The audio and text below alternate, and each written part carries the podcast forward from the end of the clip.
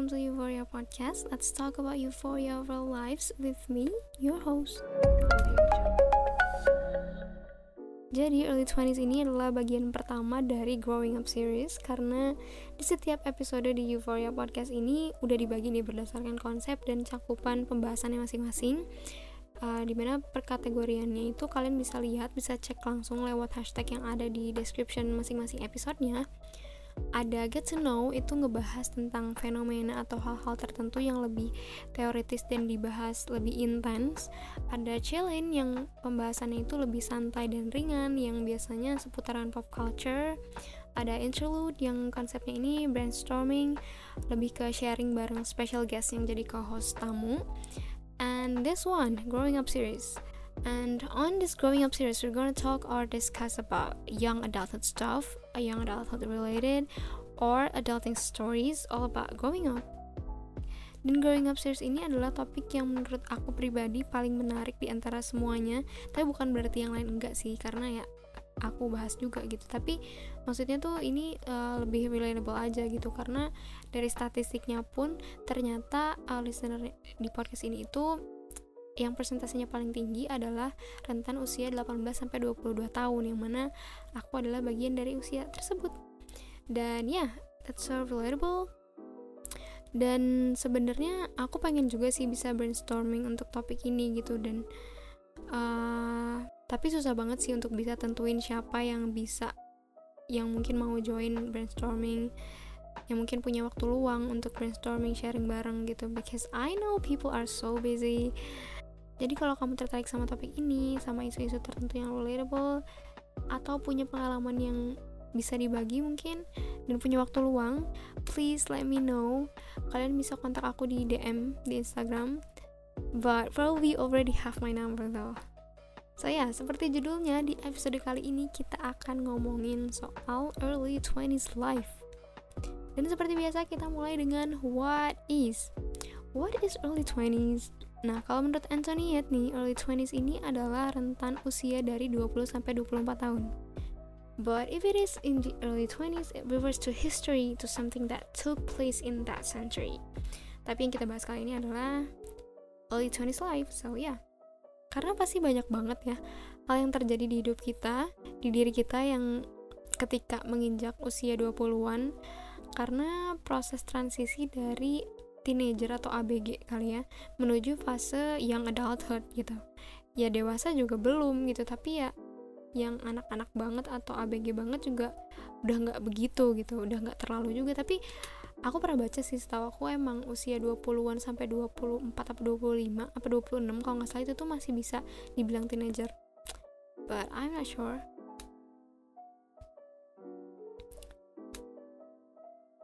Dan kita akan bahas beberapa poin, beberapa hal yang berkaitan dengan early 20s life yang ditulis sama Francis Bridges, jurnalis dari New York. Dia ini nulis tentang beberapa poin yang berkaitan dengan kehidupan di umur 20-an. Bisa jadi apa yang uh, kita pernah laluin atau enggak yang akan kita uh, lalui nanti atau hal-hal yang harus kita perhatikan ketika kita baru menginjak usia 20. Dan yang pertama adalah taking good care of yourself.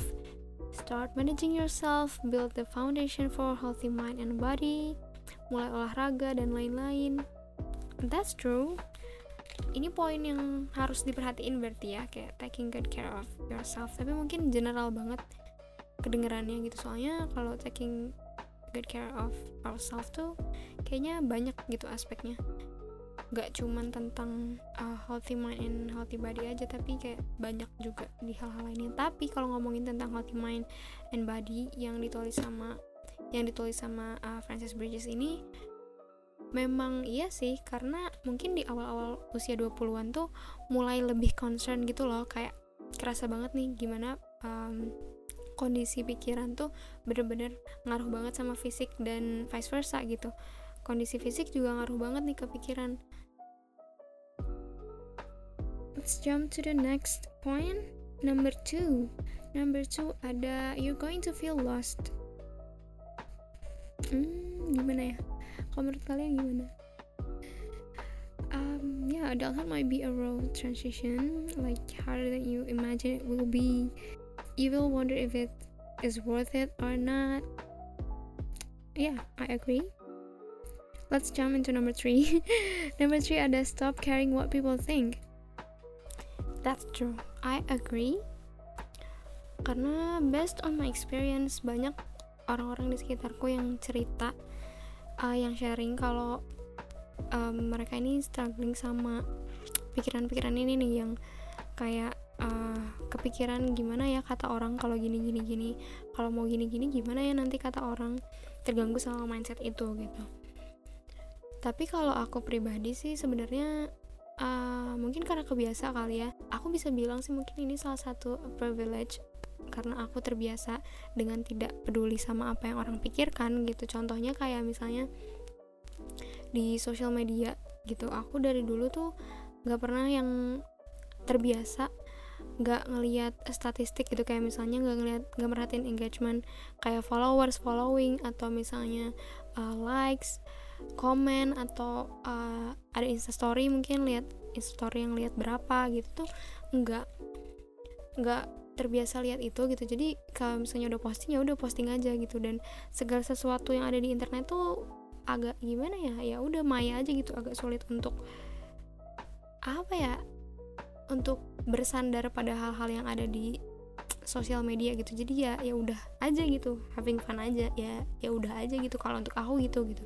Mungkin karena terbiasa juga gitu dari awal dari dulu terbiasa dengan hal itu. Kan setiap orang pasti beda-beda ya. Punya pengalaman yang beda-beda punya pemikiran yang beda-beda gitu. Nggak ada orang yang 100% punya pikiran yang sama gitu. Dan tapi aku juga belajar sih maksudnya dari cerita-cerita orang lain yang memang gimana ada di posisi mereka gitu. Karena mindset kayak gini tuh terbentuk dari society juga gitu. Mau nggak mau bukan memang hal yang sengaja ditanamkan untuk selalu begitu. Tapi mungkin yang ngerasanya naturally aja gitu. Bahkan ada yang nggak sadar gitu punya mindset um, yang kayak mikirin banget apa kata orang gitu. Tapi ada juga yang udah sadar tapi masih susah juga ya banyak. Tapi emang kita harus concern juga sih sama hal ini. Karena yang terjebak dalam mindset untuk selalu mikirin gimana nih nanti kata orang itu tuh ya kurang lebih jadi apa ya suatu hambatan juga gitu untuk bergerak gitu. Misalnya ada mau ngelakuin sesuatu yang dipikirin apa nanti kata orang gitu. Jadi sulit juga sih. But ya namanya juga proses gitu. Yang penting kalau misalnya memang udah sadar kita bisa get back gitu. Ketika kita misalnya lupa ya bisa coba inget lagi aja terus terus coba untuk improving gitu let's jump into number four. Number four ada embrace failure. Hmm, ngomongin kegagalan di usia 20-an setiap orang juga pasti mungkin definisi spesifik tentang kegagalan tuh beda-beda ya.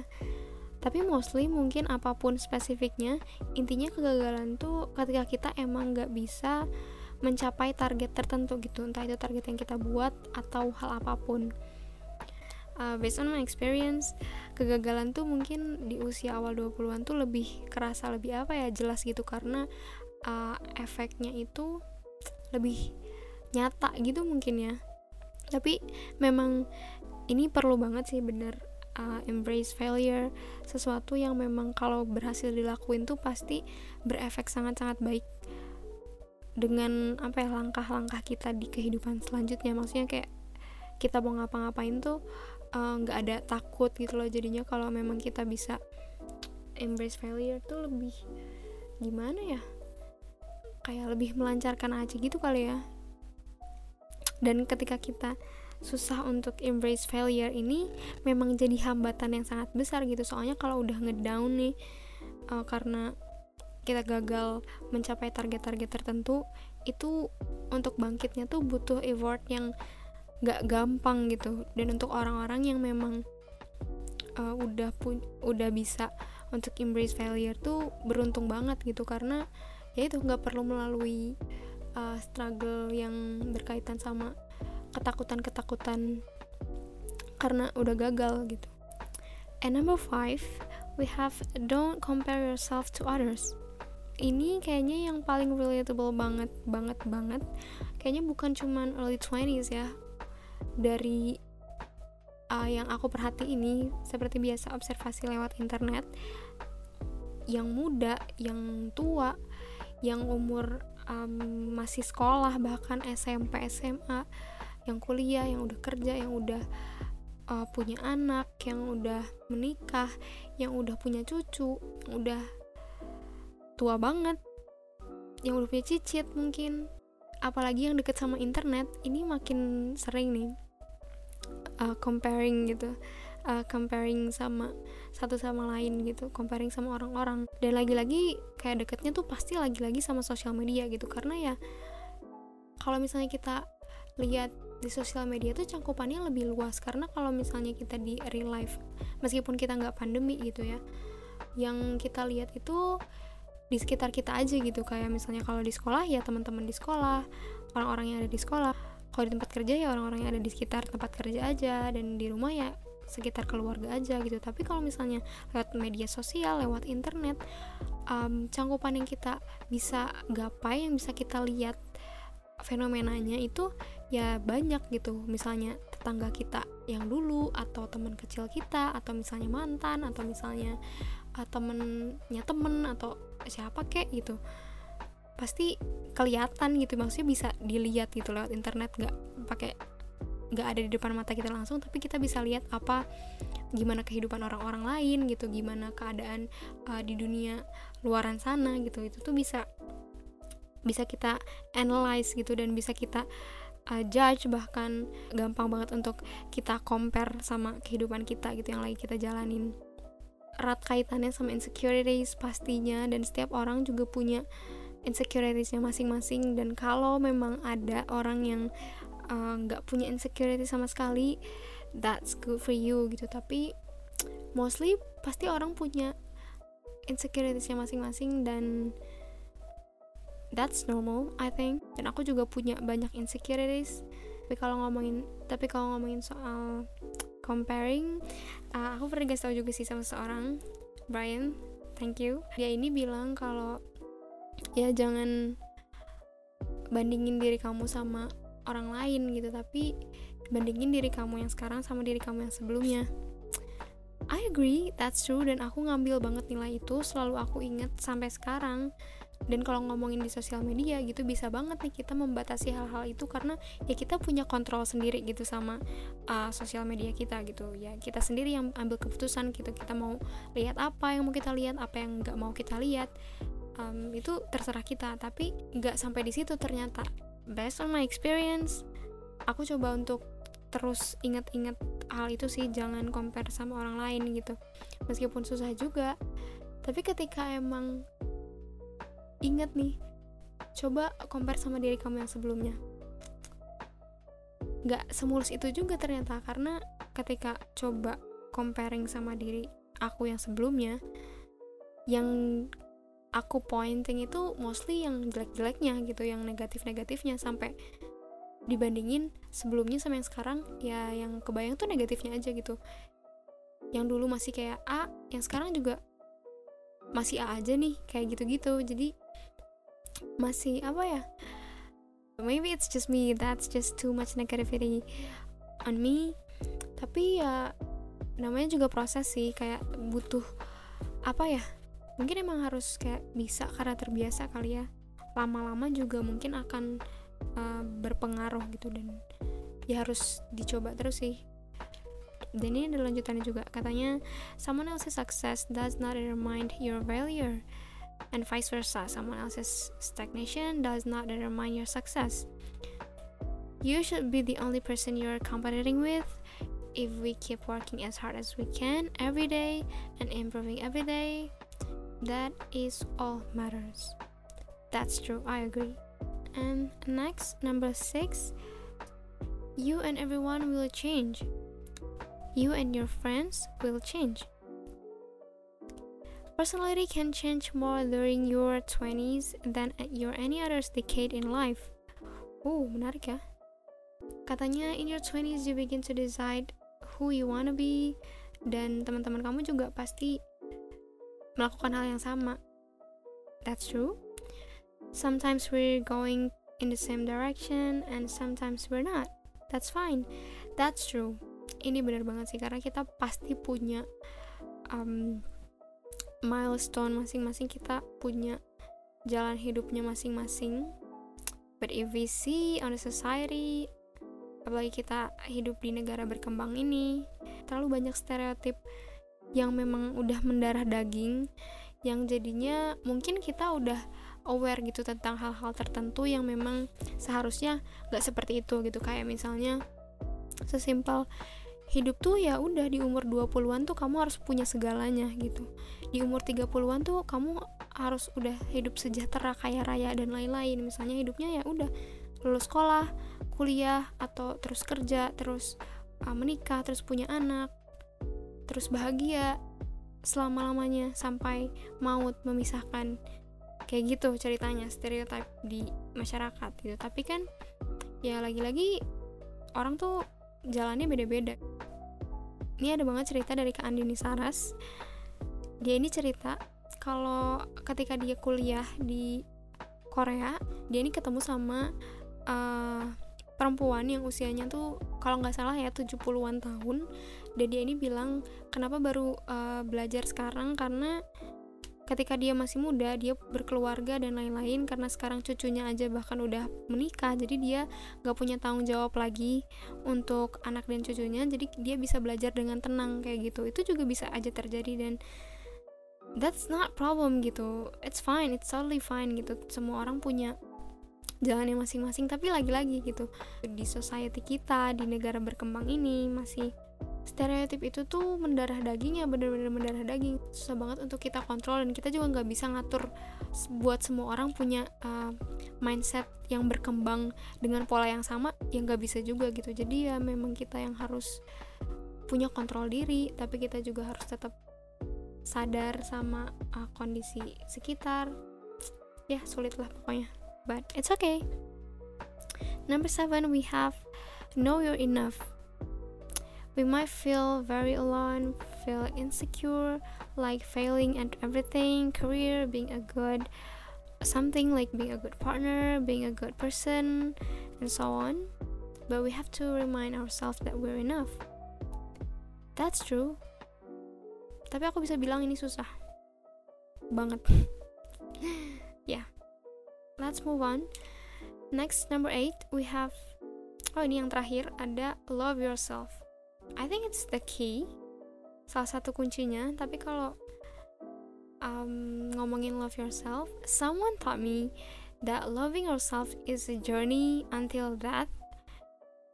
Jadi bukan sesuatu yang memang ada ujungnya gitu kayak sesuatu yang tujuan kayak kita udah bisa nih declare kalau kita udah udah nih love myself gitu. Tapi ini tuh lebih ke apa ya yaitu journey gitu sesuatu yang sulit untuk dimulai tapi bisa kita mulai. Dan setiap waktunya itu bisa terus bertambah bisa terus berkembang gitu semacam perjalanan untuk mengenal diri sendiri gitu proses menerima sampai bisa mencapai titik kenyamanan tertentu di dalam diri kita. Kayak untuk membantu kita untuk melangkah di aspek kehidupan lainnya bener sih.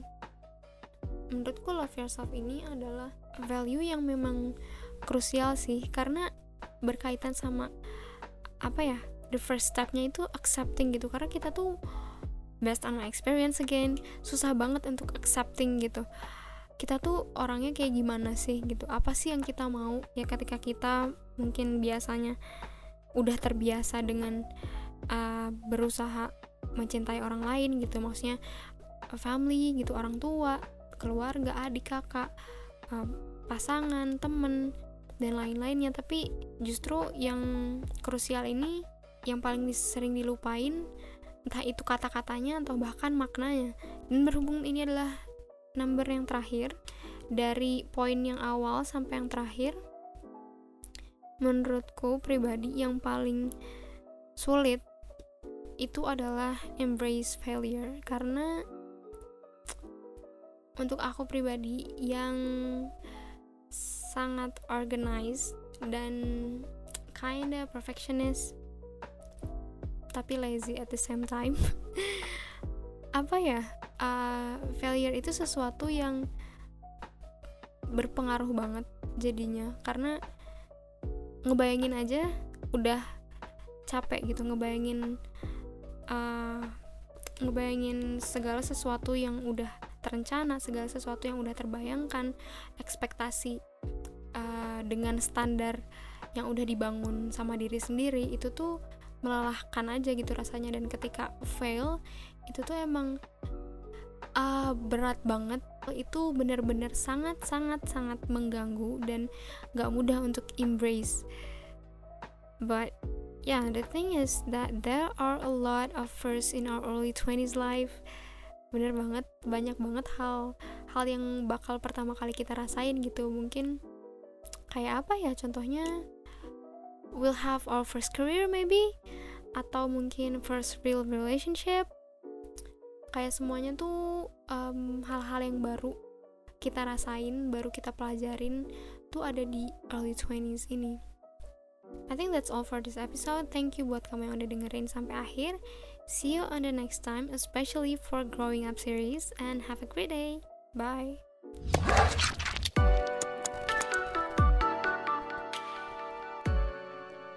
Hi, thanks for listening Euphoria Podcast. Sampai ketemu di episode selanjutnya. Bye.